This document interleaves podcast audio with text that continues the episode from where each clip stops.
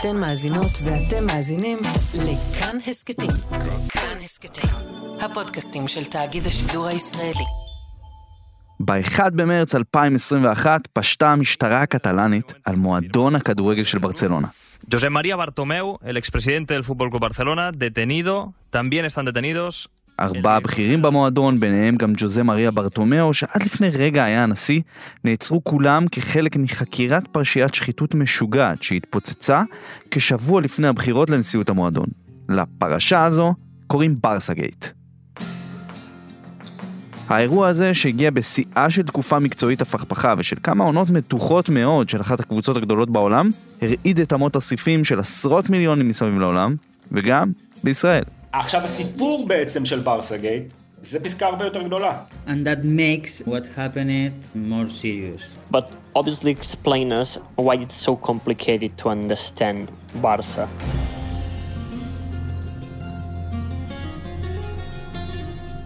היי, אני אורי לוי, והיום בשער אנחנו נדבר על ברצלונה. כן, ברסה. אנחנו נצלול להיסטוריה שלה, נסביר את המשבר הניהולי והמקצועי שעבר על המועדון, ואיזה מאבק נסתר הוא מבטא. מהו החיבור הכל כך חזק של ברצלונה לאוהדים בישראל, ואיך זה משפיע עליהם. מה אפשר ללמוד מהברסה גייט על איך מתנהל מועדון ומותג על של כדורגל בכזה סדר גודל.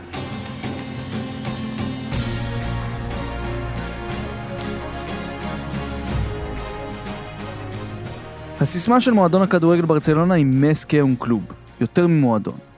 בספר שלו, כדורגל נגד האויב, סיימון קופר, מגדולי עיתונאי וכותבי הכדורגל כיום, מביא לכך כמה דוגמאות. לברצלונה יש יריד ותחרות אומנות כל כך יוקרתית ונחשבת, שפעם אפילו סלבדור דלי שלח לשם עבודות. יוחנן פאולוס השני, האפיפיור לשעבר, הוא חבר המועדון המאה ושמונה אלף שלו. ובמוזיאון של ברסה מבקרים מדי שנה פי כמה וכמה, יותר ממה שמבקרים במוזיאון פיקאסו. אבל מסקה און קלוב זה הרבה מעבר לזה. וכשצוללים להיסטוריה של המועדון ולאופי הקטלני שלו, מבינים גם למה. הסיפור של ברסה מתחיל בנובמבר 1899, עם בחור שוויצרי בשם האנס מקס גמפר, שהחליט לפרסם הודעה תמימה בעיתון לס דפורטס הקטלני, בזו הלשון. מרקנס קמפר, חבר מערכת הכדורגל של לס דפורטס ואלוף שוויצרי לשעבר, רוצה לארגן משחקים בברצלונה. הוא מבקש שכל מי שאוהב את המשחק יבוא להיפגש איתו במשרדו בימי שלישי ושישי בין השעות 9 ל-11 בערב. הוא מפרסם מודעה, מודעה שקוראת לשחקנים לבוא ולהצטרף. אביעד סגל הוא עיתונאי לשעבר שחי בברצלונה כבר חמש שנים. כיום הוא פעיל בסוכנות בינלאומית לייצוג וניהול ספורט שהוא הקים, Get in Sports, וגם מדי פעם הוא מסקר את מועדון הכדורגל ברצלונה לתקשורת הישראלית. ובאמת, בעקבות המודעה של גמפר הופיעו 11 שחקנים, חלקם בריטים, שוויצרים, פועלים וסטודנטים שחיו בעיר הנמל, והפרויקט הזה שנקרא Football Club ברסלונה יצא לדרך. מיומו הראשון התקיימו במועדון בחירות תקופתיות לנשיאות, שנקבעו על ידי הצבעות של חברי המועדון. אחרי עשור, האנס מקס שלנו, יזם הפרויקט שכבר הספיק לשנות את שמו לז'ואן, מונה לנשיא. ז'ואן גמפר. הוא שינה טיפה את השם שיישמע קטלני. גמפר היה אחראי על כמה מהמהלכים החשובים של ברצלונה בשנים הראשונות, ובעיקר לזה שהמועדון הפך לסמל לקטלניסמו, הלאומיות הקטלנית, שבדומה לעוד הרבה תנועות לאומיות בעולם, ובספרד בפרט, כמו הבסקים למשל, הרימה באותן שנים את הראש. ככה ברסה מהר מאוד, בשונה מהיריבה העירונית אספניול שנוסדה שנה אחריה, התחברה לתנועה הלאומית הקטלנית, ששאפה להתנתק משאר ספרד לעצמאות. Barca always been involved in politics. ברצלונה תמיד הייתה מעורבת בפוליטיקה, מספר טוני פדיה, היסטוריון כדורגל ומבכירי עיתונאי הכדורגל בקטלוניה. Already in 1917, Barca made a public statement defending the right of Catalonia of self-government. כבר ב-1917 ברסה הוציאה הודעה רשמית שמגנה על הזכות של קטלוניה לממשל עצמי. באותה שנה המועדון גם הפסיק להתנהל בספרדית, והפך את השפה הקטלנית לשפה הרשמית שלו. ברסה התחילה להפוך לסמל לאומי. הנשיא גמפר, שרצה להגדיל את מספר החברים, שיחק על זה ויצא בקמפיין שעזר לו להגיע ליותר מ-20 אלף סוסיוס, חברי מועדון, כבר ב-1922. קמפיין שאפשר למועדון לממן איצטדיון חדש. Because when Barca started to be the biggest club here in Catalonia, it was a moment where also כשברסה התחילה להיות המועדון הגדול ביותר פה בקטלוניה, זה היה בזמן שהקטלנים היו במסע של הגנה על הזהות, על השפה ועל התרבות שלהם, מול ממשלה שהופכת ליותר ויותר ריכוזית, טוני מסביר. הפופולריות של המועדון עלתה, והרבה אוהדים וחברי מועדון נמשכו אליו לאו דווקא בגלל הכדורגל, אלא בגלל מה שהוא ייצג. זהות קטלנית בספרד. דבר שנשען על ההיסטוריה של העם הקטלני תחת הכתר הספרדי, והלך אחורה למאה ה-15, לאיחוד בין בתי המלוכה של קסטיה וארגון, ובעיקר ל-11 בספטמבר 1714, אז הפסידו הקטלנים בקרב נגד המלך קרלוס החמישי, בעצם הפסידו הכל. ספרד של המלך קרלוס נכנסה אז לתקופה האבסולוטית, שלטון שמחק כל דבר שאינו ספרדי, בתוכם גם את המוסדות והחוק הקטלניים. ולמעשה יום העצמאות הקטלני המצוין ב-11 בספטמבר כל שנה, חוזר לרגע שבה קטלוניה איבדה את עצמאותה באופן סופי לכתר הספרדי. צריך להבין, קטלוניה, שנמצאת על חוף הים התיכון וחולקת גבולות עם צרפת ואנדורה בצפון, ולנסיה בדרום, ידעה חיכוכים רבים ועליות ומורדות ביחסיה עם השלטון הספרדי המרכזי על רקע של שפה, תרבות וכמובן משאבים וכסף. קטלוניה זה מחוז עשיר מאוד, מסוף המאה ה-19 היו קבוצות שונות שניסו לקדם את רעיון העצמאות הקטלני.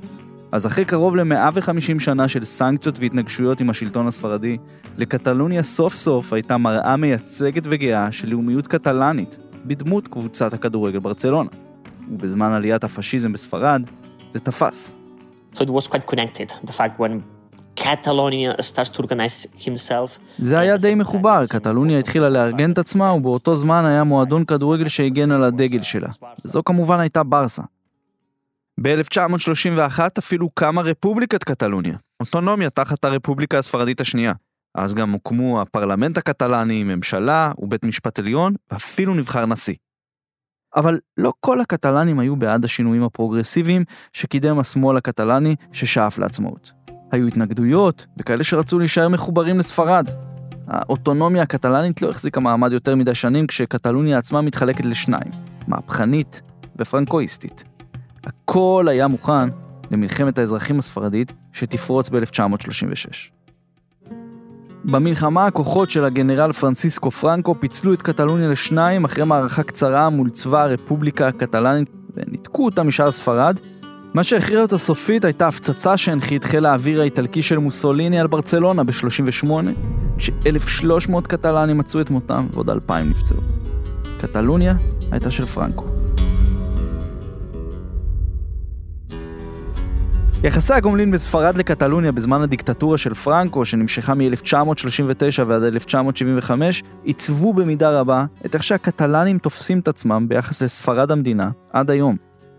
אלו היו שנים שבהן אסור היה להשתמש בשפה הקטלנית. היה אסור לתת שמות קטלנים לילדים, אסור היה להראות את הדגל הקטלני בציבור, אסור היה לשבת בבית קפה ולדבר בספרדית על דמוקרטיה, ליברליזם, על זיכרונות מפעם, על הרפובליקה, ובוודאי שלא להגיד שתי מילים, סוציאליזם או קומוניזם.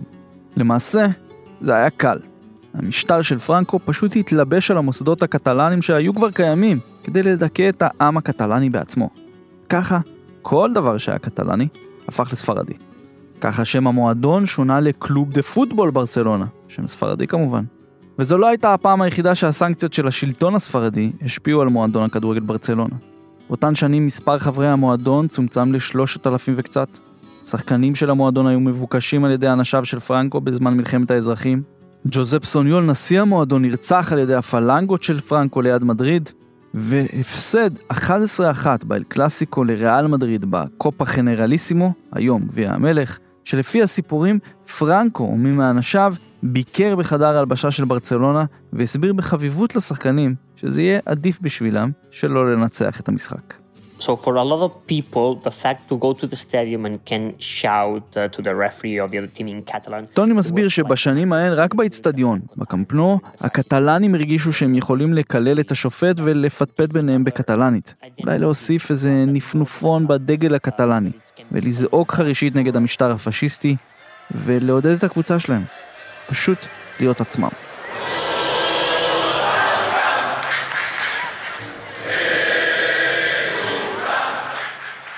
that it can be explained in that. For a lot of people, Barca is more important than a national team because... כל זה מדגים מצוין למה עבור הקטלנים ברסה חשובה יותר מנבחרת ספרד, הנבחרת הלאומית. עד היום, הרבה אנשים בקטלוניה לא מרגישים או רואים את עצמם כספרדים.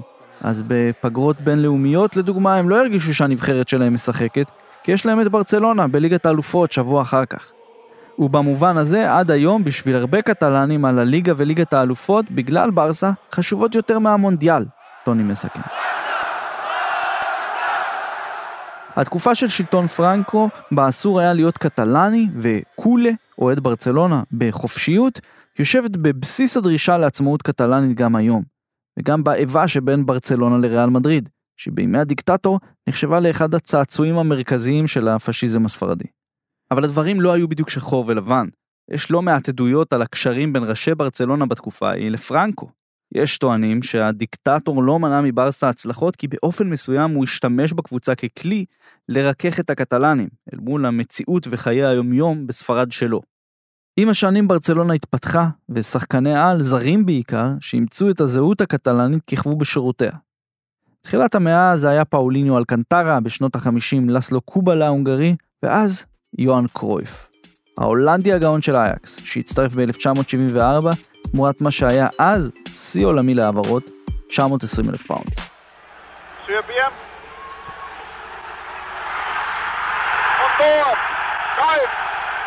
קרויף וברצלונה היו שידוך לוהט.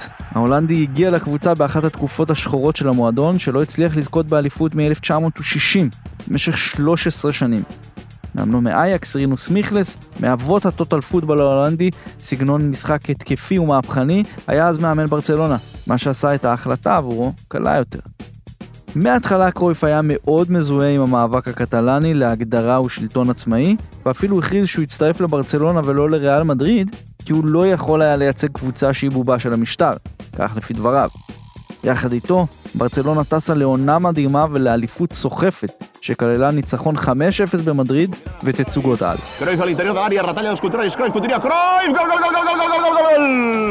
קרויף היה מהפכן, כוכב כדורגל גאון של המשחק עם מניירות לא מעטות, אבל עם תפיסה ייחודית של הכוח שלו עצמו כשחקן, וגם של הכדורגל וההשפעה שלו על החיים. וקטלוניה, ובייחוד המאבק שלה להגדרה עצמית תחת עול המשטר הדיקטטורי, קסמו לו. אומנם לא ידע קטלנית על בוריה, אבל החיבור שלו עם קטלוניה היה כל כך עמוק, עד כדי כך שהוא אפילו קרא לבן שלו על שם הפטרון הקדוש של קטלוניה, סן ג'ורדי. בתקופה בה בספרד כאמור, כל סמל לאומי קטלני היה מחוץ לחוק. האקט הזה נתפס כפרובוקציה ישירה כלפי המשטר, וקרויף הפך לאליל של אוהדי ברצלונה והקטלנים ששאפו לעצמאות. אגב, ג'ורדי, הבן, גדל להיות שחקן בעצמו. הוא התחיל בברצלונה, עבר במנצ'סטר יונייטד, ושנים אחר כך השתלט על הכדורגל הישראלי, כששימש כמנהל המקצועי והמאמן של מכבי תל אביב. אבל העונה הגדולה של 74-75 לא התפתחה לכדי שושלת של ממש, שגם קרויף וגם הקבוצה התקשו לשחזר את היכולת הנדירה שלהם, ויחדיו זכו רק בעוד תואר אחד, גביע המלך של 1978.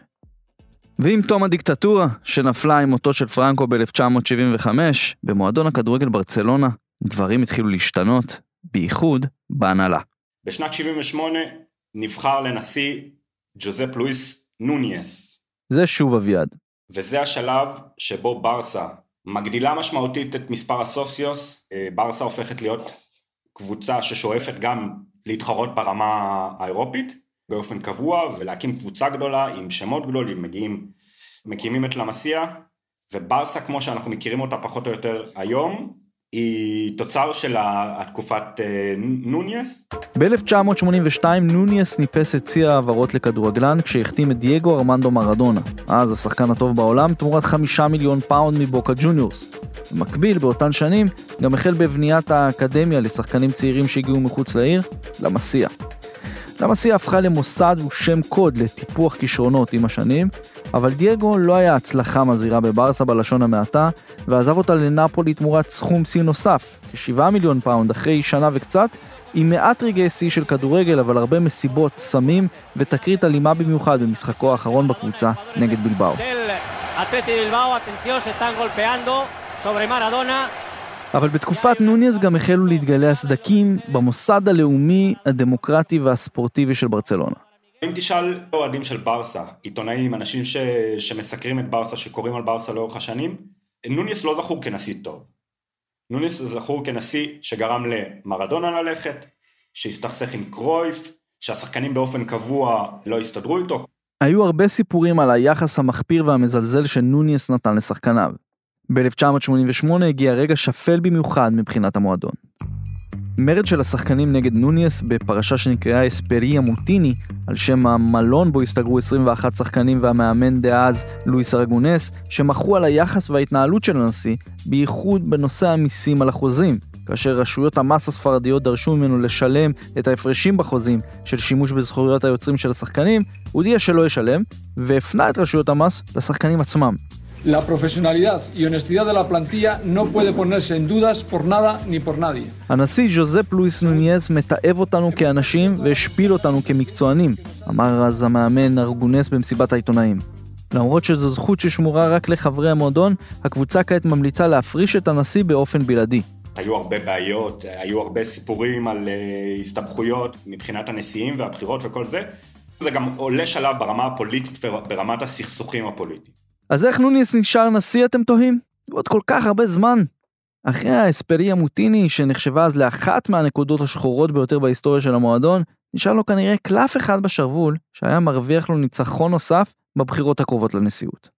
וככה שישה ימים אחרי התקרית במלון, המאמן הרגונס פוטר, ובמקומו הוחתם יוהאן קרויף. כן, כן, אותה אגדה הולנדית של קטלוניה, שכבר הפך למאמן פורץ דרך בפני עצמו באייקס ההולנדית.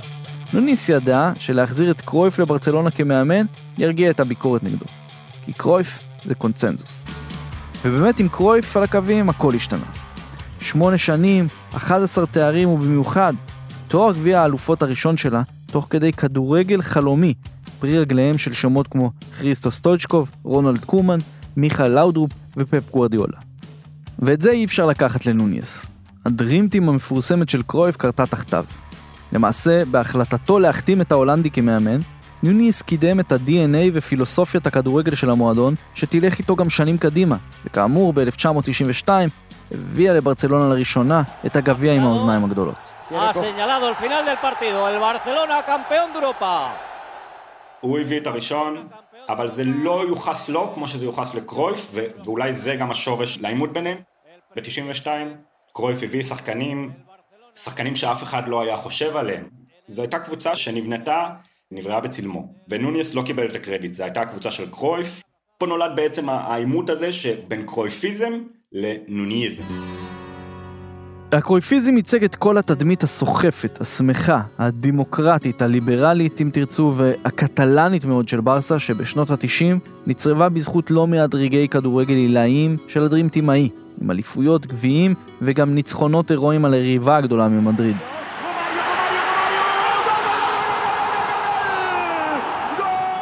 לעומת זאת הנונייניזם ייצג את השמרנות, הפרגמטיות, את הפוליטיקה, את התככים ואת הרדיפה הבלתי פוסקת אחרי כוח והשפעה שנשפכה מתוך מסדרונות המועדון. לרבים היא סימלה גם משהו מהמשטר של ספרד של פעם, זו שלא היה בה מקום לעצמאות קטלנית אמיתית, אלא לשלטון ספרדי שעושה שימוש בקטלוניה. למרות הכל, כל פעם מחדש, ניוניס הצליח להיבחר שוב בבחירות. אם זו ההחתמה של מרדונה, אם זה גביע המחזיקות, ההחתמה של קרויף כמאמן, העסקה שהביאה את רונלדו הברזילאי באמצע שנות ה-90, ועוד כל מיני הבטחות כאלה ואחרות, שהשאירו את הכוח והבכורה בפוליטיקה הקטלנית של ברצלונה אצלו. לקראת סוף המילניום היו מספר ניסיונות להדיח את נוניס בהצבעות אי אמון, כפי שעשתה קבוצת אלפנט בלאו, הפיל הכחול בקטלנית שבראשה עמד עורך דין צעיר ושאפתן בשם ז'ואן לפורטה. אבל הניסיונות האלה כשלו. רק בשנת 2000, אחרי 22 שנה, 27 תארים, מתוכם 7 אליפויות וגביע אירופה לאלופות אחד, ג'וזפ לואיס נוניס סיים את דרכו כנשיא ברצלונה אחרי שהתפטר בעקבות ביקורת חריפה על חוסר ההצלחה של הקבוצה על המגרש, ועל הבלגן והתככים מחוצה לו. Lo que lamento es que nos hagin demanat responsabilitats. Està emocionat, president? Sí, una mica, sí.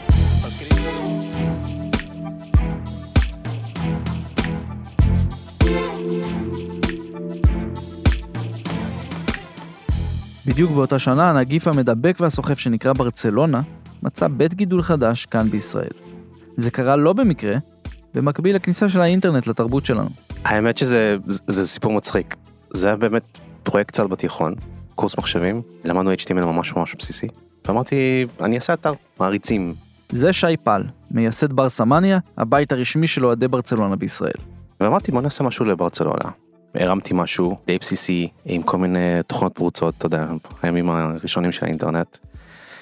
העליתי אותו לאוויר, בסופו של דבר אחרי כמה שבועות גיליתי שאני לא היחיד שנכנס בעצם לאתר ומרפרש ויש באמת אה, איזה קהל מאחורי זה ואז אני וחבר נוסף פשוט אה, חיברנו לאיזה פורום ואנשים פשוט נרשמו בשם שלהם ונתנו להם קול בעצם ואז אתה מגלה שאתה לא היחיד שבאמת אוהב את המועדון הזה. היום הפורום הקטן שהקימו זו קהילה חיה ובועטת של כ-150 אלף אוהדים ישראלים של המועדון הקטלני. זה שנים שבמגוון סקרים ומחקרים שנעשו על ידי גופי תקשורת ומחקר בארץ, הקבוצה האהודה בישראל בכלל לא מפה, היא מקטלוניה. כן, ברסה היא קבוצת הספורט הכי אהודה בישראל. וזה בא עם קהילה שחיה את המועדון הזה עד הקצה. ובעיקר אנשים שיש להם מכנה משותף מאוד מאוד חזק ברצלונה, וזה לא מכנה משותף מובן מאליו. כי אנשים לא רק רואים משחקים ועוברים משבת לשבת, אלא באמת מגיעים אלינו בשביל אה, לפרוק את הרגשות שלהם, תסכול, שמחה, ולראות עוד אנשים שמרגישים אחד לאחד כמוהם. ופה נשאלת השאלה למה? למה דווקא ברסה? למה דווקא בישראל? אז זה שילוב של כמה דברים לדעתי. ב-2003 עם ההגעה של רונלדיניו אני חושב שהיה שם בעצם עלייה של כדורגל אירופאי וירידה של הכדורגל הישראלי. אני חושב גם שזה היה באותו זמן שהשידורים עברו לתשלום בצ'רלטון. ואז בעצם יש לך אלטרנטיבה בחינם בערוץ הספורט שמציגה כדורגל הרבה יותר טוב ממה שיש בארץ. וברצלונה אז של רונלדיניו של רייקארד למרות שלקח קצת זמן אה, להתניע שיחקה באמת כדורגל טוב ואנשים קל להתחבר כאן כמובן להצלחות. ובמקביל הטיסות לברצלונה שפעם היו באזור האלף דולר התחילו לרדת. וגם קהל שכבר לפני זה אה, המליצו לו ללכת לראות משחק בקאמפ נו עם 100 אלף איש בקתדרלה וכו' וכו' וכו', באמת התחיל להגיע. ואז באמת אנשים שהגיעו לאצטדיון בפעם הראשונה were hooked לתחושה הזאת, ואז הם המשיכו לעקוב אחריה. ובאמת אחת הרכישות החשובות בתולדות ברצלונה, ובוודאי בתקופה שאחרי נוניאס, הייתה זו של רונלדיניו, שהצטרף לברצלונה מפריס סן ג'רמן עבור 32.25 מיליון יורו. למרות שהוא הגיע כאופציה ב' אחרי שלא הצליחו להחתים את דיוויד בקאם שהעדיף את ריאל מדריד, רונלדיניו היה רכישה צבעונית, שאפתנית, שהבליטה את שינוי מיקום המטוטלת הפנימית של ברצלונה כמועדון, אחרי שנים של נונייניסמו, של כישלונות ספורטיביים ובלאגן בהנהלה. יחד עם רונלדיניו, המאמן ההולנדי פרנק רייקרד והנשיא הנבחר ז'ואן לפורטה, אותו אחד שניסה להפיל את נוניס כמה שנים קודם לכן, הזרם הקרויפיסטי, הפרו-קטלני, השמח, לפתע חזר לשלוט בברצלונה. יחד עם לפורטה הצטרפו להנהלה עוד שני אנשים חשובים. סנדרו רוסל, סוכן שחקנים עם קשרים חזקים בברזיל, וג'וזפ מריה ברטומיאו, מי שהיה יד ימינו, וגם חבר שלו מתקופת בית הספר.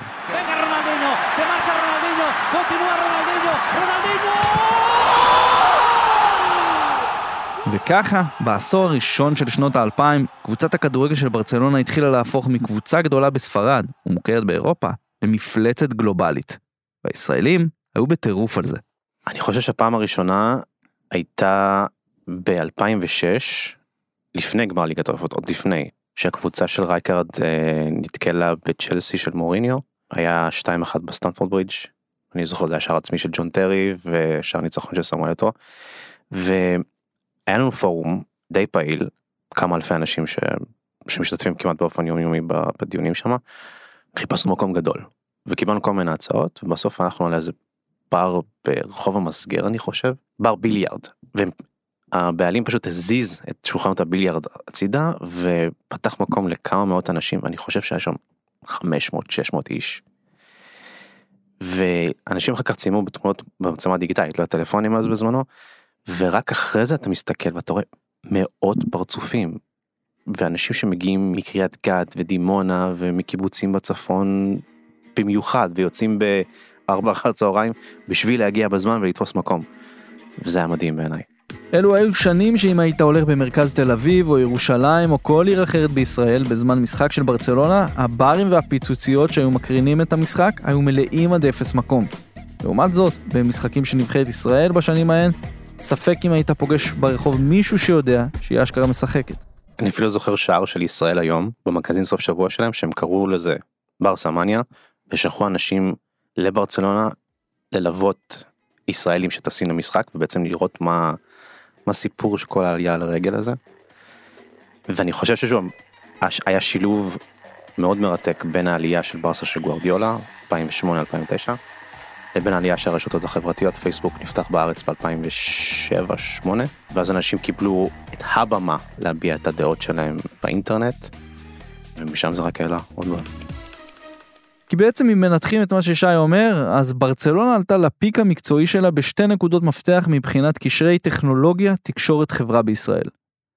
בהתחלה הזו הייתה כניסת מודל ה-pay-per-view, שהעביר את הכדורגל הישראלי לצפייה בתשלום והותיר את ברצלונה בערוץ שמשדר בחינם, מה שאפשר ליותר אנשים גישה אל הקבוצה שהייתה אז הטובה בעולם, ולדעת פרשנים רבים, אולי גם הטובה בהיסטוריה. Now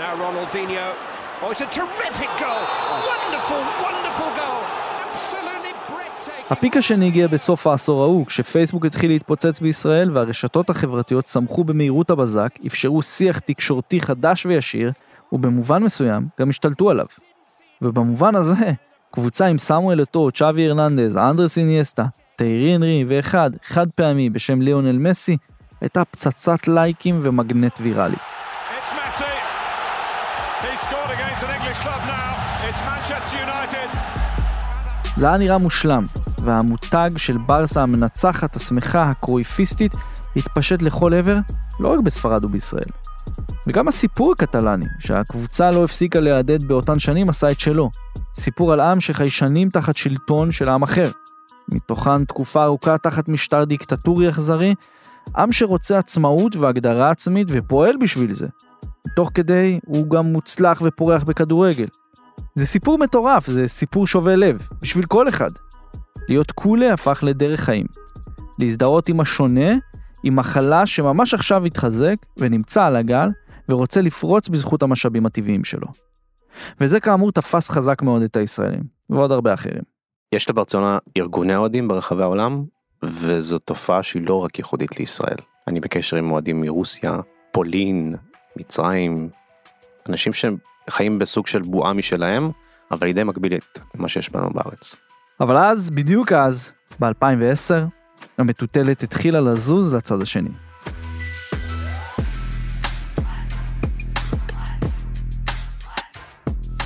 כדי שנבין לעומק מה באמת קרה בברצלונה השנה מבחינה ניהולית ובכלל את השדה הפוליטי של המועדון הזה, חשוב להבין איך בעצם נבחר נשיא בברצלונה.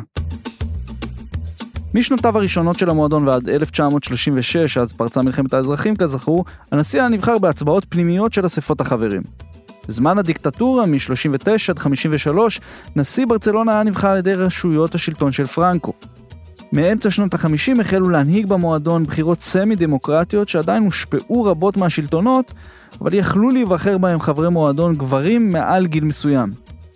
בהמשך היו יכולים להשתתף כמתמודדים וכמצביעים רק נציגים מסוימים שייצגו קבוצות חברים, ורק מ-1978, אחרי נפילת המשטר הצבאי, התחילו במועדון לערוך חגיגה דמוקרטית, בה כל החברים והחברות מעל גיל 18 היו יכולים לבחור ולהיבחר, בתנאי שיש להם לפחות שנה של חברות במועדון.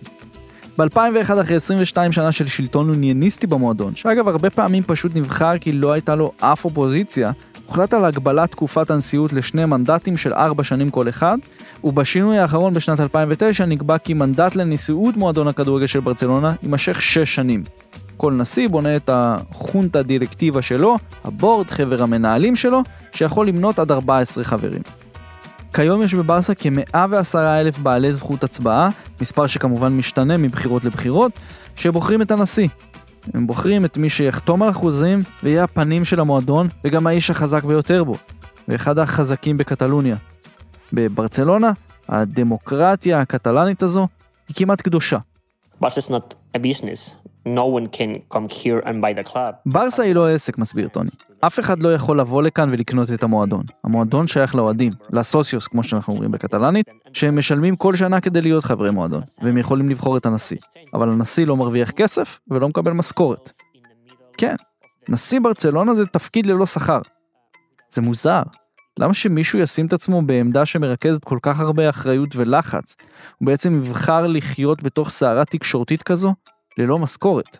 Well, if you're the president of Barca, you are you're famous and then אם אתה הנשיא של ברצלונה אז אתה מפורסם, אתה יכול לפגוש הרבה אנשים, יש לך הרבה כוח, כולם רוצים להיות הנשיאים של ברסה, כי אתה הופך להיות פרצוף פופולרי, אתה יכול לנסוע בכל העולם, לפגוש הרבה אנשים ולעשות את הביזנס שלך, מסביר טוני. כשחושבים על זה, זה די משוגע שהדמות הניהולית הבכירה במועדון בסדר גודל של ברצלונה לא מקבלת משכורת. אבל בן אדם לא יכול לקום בבוקר ולהחליט שהוא רץ לנשיאות ברצלונה. הוא צריך לבנות צוות, בורד מנהלים כאמור, וגם תמיכה כלכלית נרחבת. So all the political parties, all the televisions, all the newspapers, all the people with money. כל המפלגות, ערוצי הטלוויזיה, העיתונים הגדולים והאנשים עם הכסף תומכים במועמד כזה או אחר לבחירות של המועדון, טוני מוסיף. השנים של הפורטה בתחילת המילניום היו כאמור הצלחה אדירה.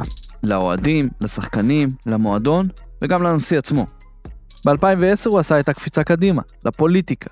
ומי שנבחר בבחירות להחליפו היה חברו לספסל הלימודים שהיה יועצו ועוזרו עוד מימי האלפנט בלאו, גם סגן הנשיא שלו בשנים הראשונות לכהונתו, סנדרו רוסי. En primer lloc, en aquest dia de gran barcelonisme, רוסי, שהיה מנהל בכיר בנייקי ברזיל לאורך שנים, מה שבזמנו עזר למועדון להחתים את רונלדיניו, זכה ברוב של כ-60%. כסגנו מונה ג'וזפ מריה ברטומיאו, שכאמור גם היה חבר הנהלה בתקופת לפורטה, ואחראי על תחום הכדורסל. ויחד, השניים התחילו לעבוד.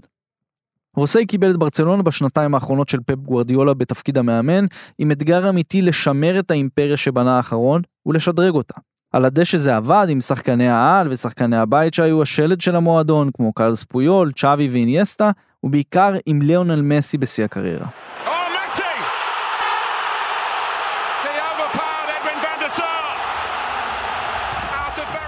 ופה צריך לעצור רגע, ולומר משהו. שבלי מסי, כנראה שלא היינו מדברים עכשיו על ברצלונה. בטח לא באותה צורה. בעצם, בטוח שלא. ילד שהגיע למועדון בגיל 12 מרוסריו שבארגנטינה, והפך להיות השחקן הטוב והשלם ביותר לשחק את המשחק. מעל לכל סופרלטיב שאני אגיד פה, כן? וברצלונה הרוויחה מזה.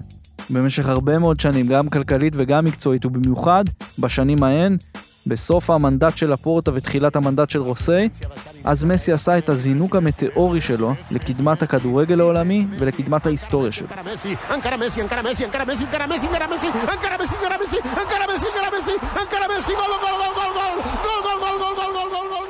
גם מסי כמובן הרוויח, אבל ברצלונה לא הייתה יכולה להרשות לעצמה את כל התארים, התהילה, הצמיחה וההתעצמות שבאו אחרי שנת 2006, לולא היה להם את השחקן הטוב בעולם באותה תקופה, מסי.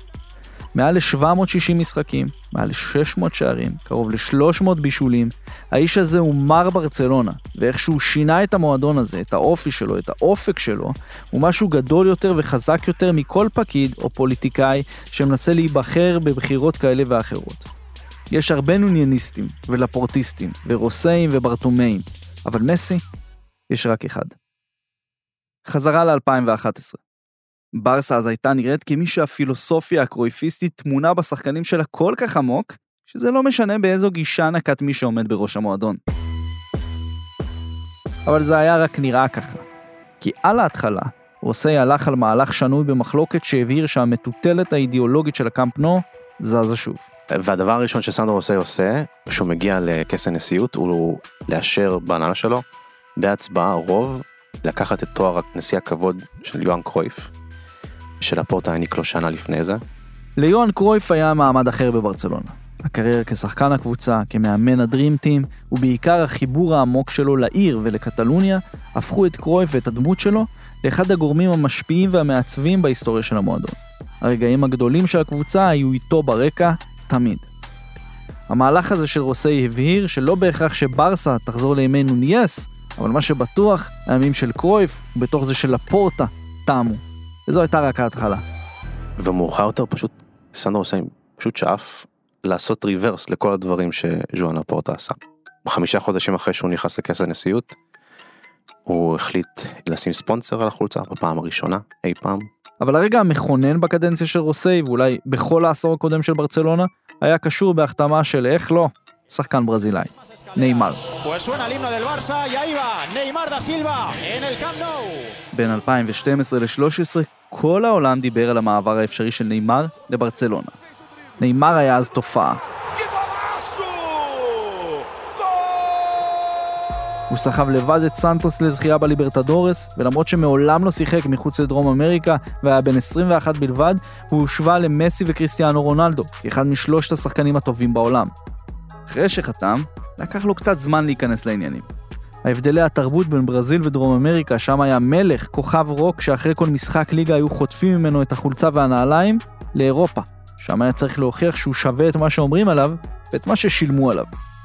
עם הזמן נעימר התפתח לאחד השחקנים הטובים בעולם ושחקן מוביל גם בברצלונה, אבל פרשת המעבר ההוא לא הפסיקה ללוות אותו. בהצהרה הרשמית נטען שנעימר נרכש תמורת 57 מיליון יורו, אבל ככל שעבר הזמן, עוד ועוד מספרים דלפו החוצה, והתברר שהעסקה הזו הייתה... אחת העסקאות המלוכלכות ביותר שידע עולם הכדורגל. סנדרו יוסי התגאה בזה שהוא עלה למועדון רק 57 מיליון יורו. בפועל, על הנייר הסתבר שזה היה 81 מיליון יורו. ובפועל, בפועל, אחרי שהמועדון שילם מיסים עליו וקנסות והואשם בבית המשפט בהעלמת מס על העסקה הזאתי, העסקה הזאת עלתה הרבה יותר מ-100 מיליון יורו. פה הכל קיבל טוויסט של הרבה יותר כסף והרבה יותר סיכון. הכל הפך להיות הרבה יותר מפחיד. ברצלונה עלתה באיזשהו מקום על גלגל ענק עם נאמר. הערכות שונות דיברו על כך שהעסקה כולה עלתה לברצלונה בסביבות ה-300 מיליון יורו. זה היה מתי שרוסי איבד את המועדון. בסוף ינואר 2014, פחות מחצי שנה אחרי ההעברה שנאמר, רוסי התפטר בעקבות הביקורת והחשדות לשחיתות בעסקת החתמתו של הברזילאי. מאוחר יותר הוא ייחקר, ייעצר, ואף יישלח לכלא על ניפוח הוצאות עסקת נאמר. ומי החליף אותו? עד לבחירות הבאות? נכון, מי שהיה הסגן שלו, ברטומיאו, שגם הוא נחקר בפרשה. סוציו מגיל 11, חולה כדורסל, טיפוס נחמד, לפי כל מה שאומרים, אבל גם לא, כנראה גם לא הטיפוס הכי אמין בעולם. ברטומיאו פשוט היה שם. ברטומיאו פשוט נקלע לאירוע. ובשביל בן אדם שנקלע להיות נשיא ברסה, העונה המלאה הראשונה של ברטומיאו בתפקיד, 2014-2015, הייתה יוצאת דופן. עם מסי, נאמר ולואי סוארז האורוגוואי בחוד, ברצלונה זכתה בטראבל, אליפות, גביע וליגת האלופות, והפכה לקבוצה האירופאית הראשונה שעושה זאת בפעם השנייה.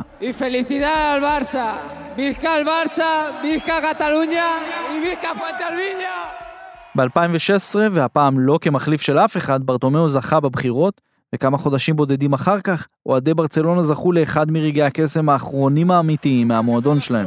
נאמר! שזכה! שזכה!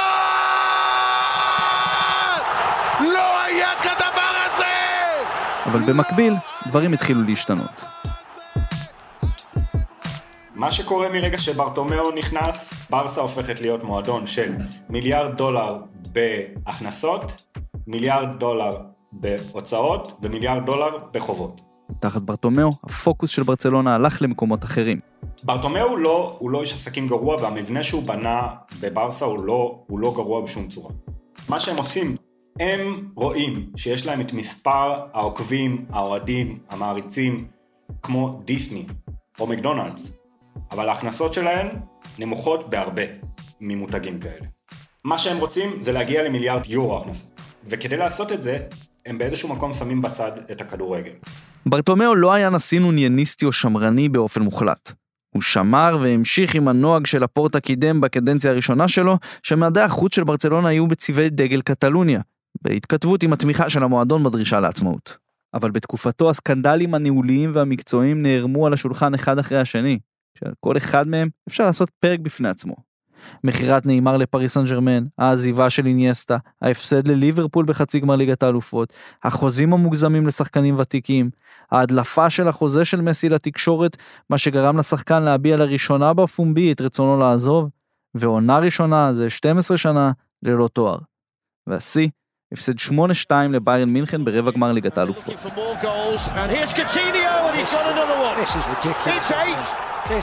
זה היה כבר יותר מדי. באוקטובר 2020 ברטומיאו התפטר יחד עם כל הבורד שלו, הוא נשיא זמני מונה כדי להכין את המועדון לבחירות לנשיאות במרץ 2021. ואז, ממש שבוע לפני הבחירות, התפוצץ הברסגית.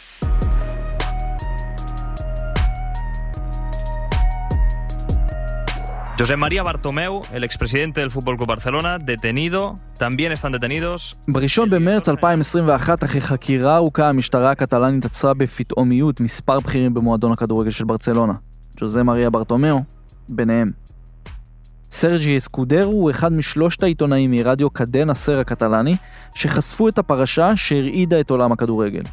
בשיחה מיוחדת עם שער דרך אביעד סגל, הוא מספר על הדיווח ההוא מתחילת מרץ. The investigation started at the end of 2018. החקירה התחילה בסוף 2018, פחות או יותר שנה וחצי לפני שפרסמנו את הדיווח, הוא מספר. We saw strange things on social media, ראינו דברים מוזרים ברשתות החברתיות, במיוחד בטוויטר. but the key was to receive documents that proved it all. המפתח היה לקבל את המסמכים, וזה מה שעשינו. It was very important information. זה היה מידע מאוד חשוב שיכול היה להיות נידון לאורך ימים, אבל הופתענו מאוד מהחשיפה הבינלאומית הרחבה של החדשות האלה, הוא סיכם. הסיפור מדבר על כך שברטומיאו ואנשיו שכרו חברת יחסי ציבור בשם ונטורה טרסה, כדי שתשפר את התדמית שלהם ברשת, ושילמו על כך בכסף של מועדון הכדורגל ברצלונה. עכשיו, עד כה זה נשמע גבולי, אבל לא מופרך, כן? יש לסיפור הזה כמה אספקטים. זה קודם כל מה שקרה בפועל, שזה הנשיא ברטומיאו שראה שהפופולריות שלו ברשתות החברתיות שהן מאוד מאוד חזקות בספרד, במיוחד בטוויטר, במצב קטסטרופלי, והוא פשוט שאף לשפר את התדמית שלו, וזה גם כולל השמצה של יריבים אחרים, אנחנו מכירים את זה במספיק קמפיינים פוליטיים בארץ ובעולם. ומי היו היריבים שהושמצו? ליונל מסי ואשתו אנטונלה רוקוסו, הקפטן ג'רארד פיקה, ז'ואן לפורטה כמובן, וגם רוסי. היה דגש על קרויפיסטים, אבל לא רק. כל מי שיכול היה לשמש איום. עכשיו הסיפור בעצם של ברסה גייט הוא לא ההשמצות הטיפשיות האלה.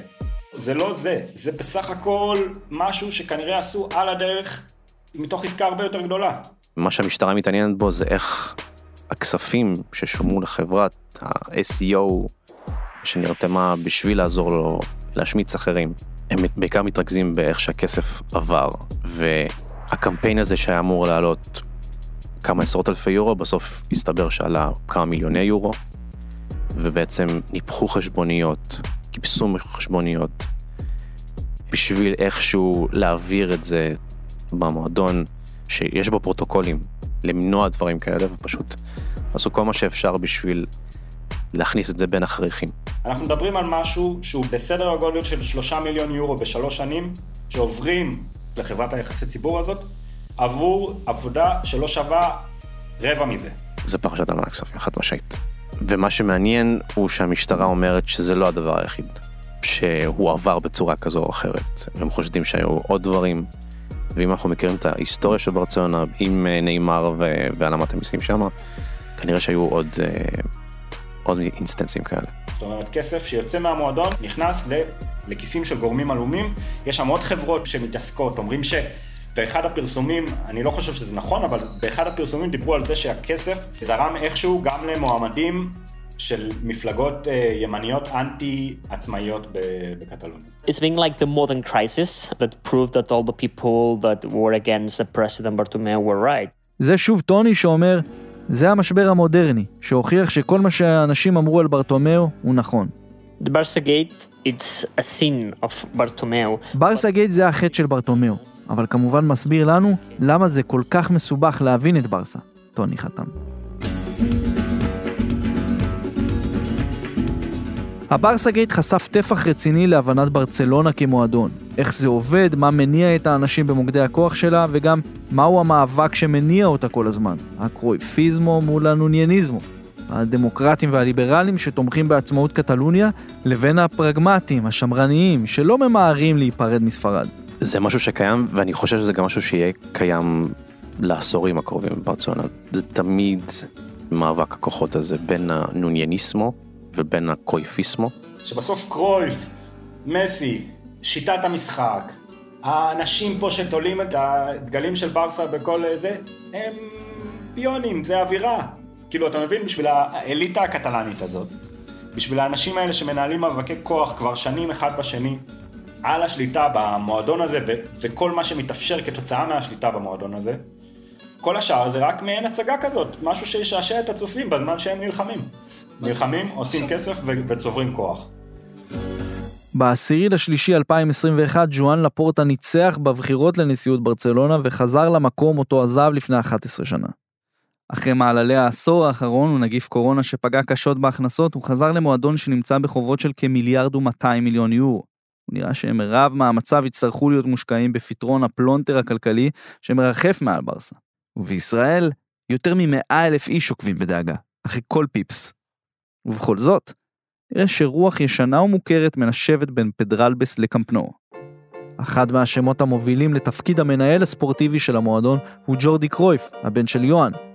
המועמד המוביל לתפקיד המאמן בשנים הבאות הוא צ'אבי, כנראה בוגר הקרויפיזמו השלם ביותר. ואחרי פתיחת עונה מזעזעת שהשתקפה על הדשא ומחוצה לו, ברצלונה זכתה בגביע המלך הספרדי נגד אתלטיק בלבאו אחרי עוד תצוגה שמימית של ליאונל מסי, ואולי אולי עוד תספיק לבצע קאמבק מדהים, ומשום מקום, לזכות באליפות ספרד. זה לגמרי יהיה סימן שהמטוטלת שוב זזה. הפעם, אחרי עשור של נונייניסמו שמרני ופרגמטי, ברצלונה חוזרת לקרויפיזם. עד הפעם הבאה. And that turns Barca into a really special and complicated club. צודק.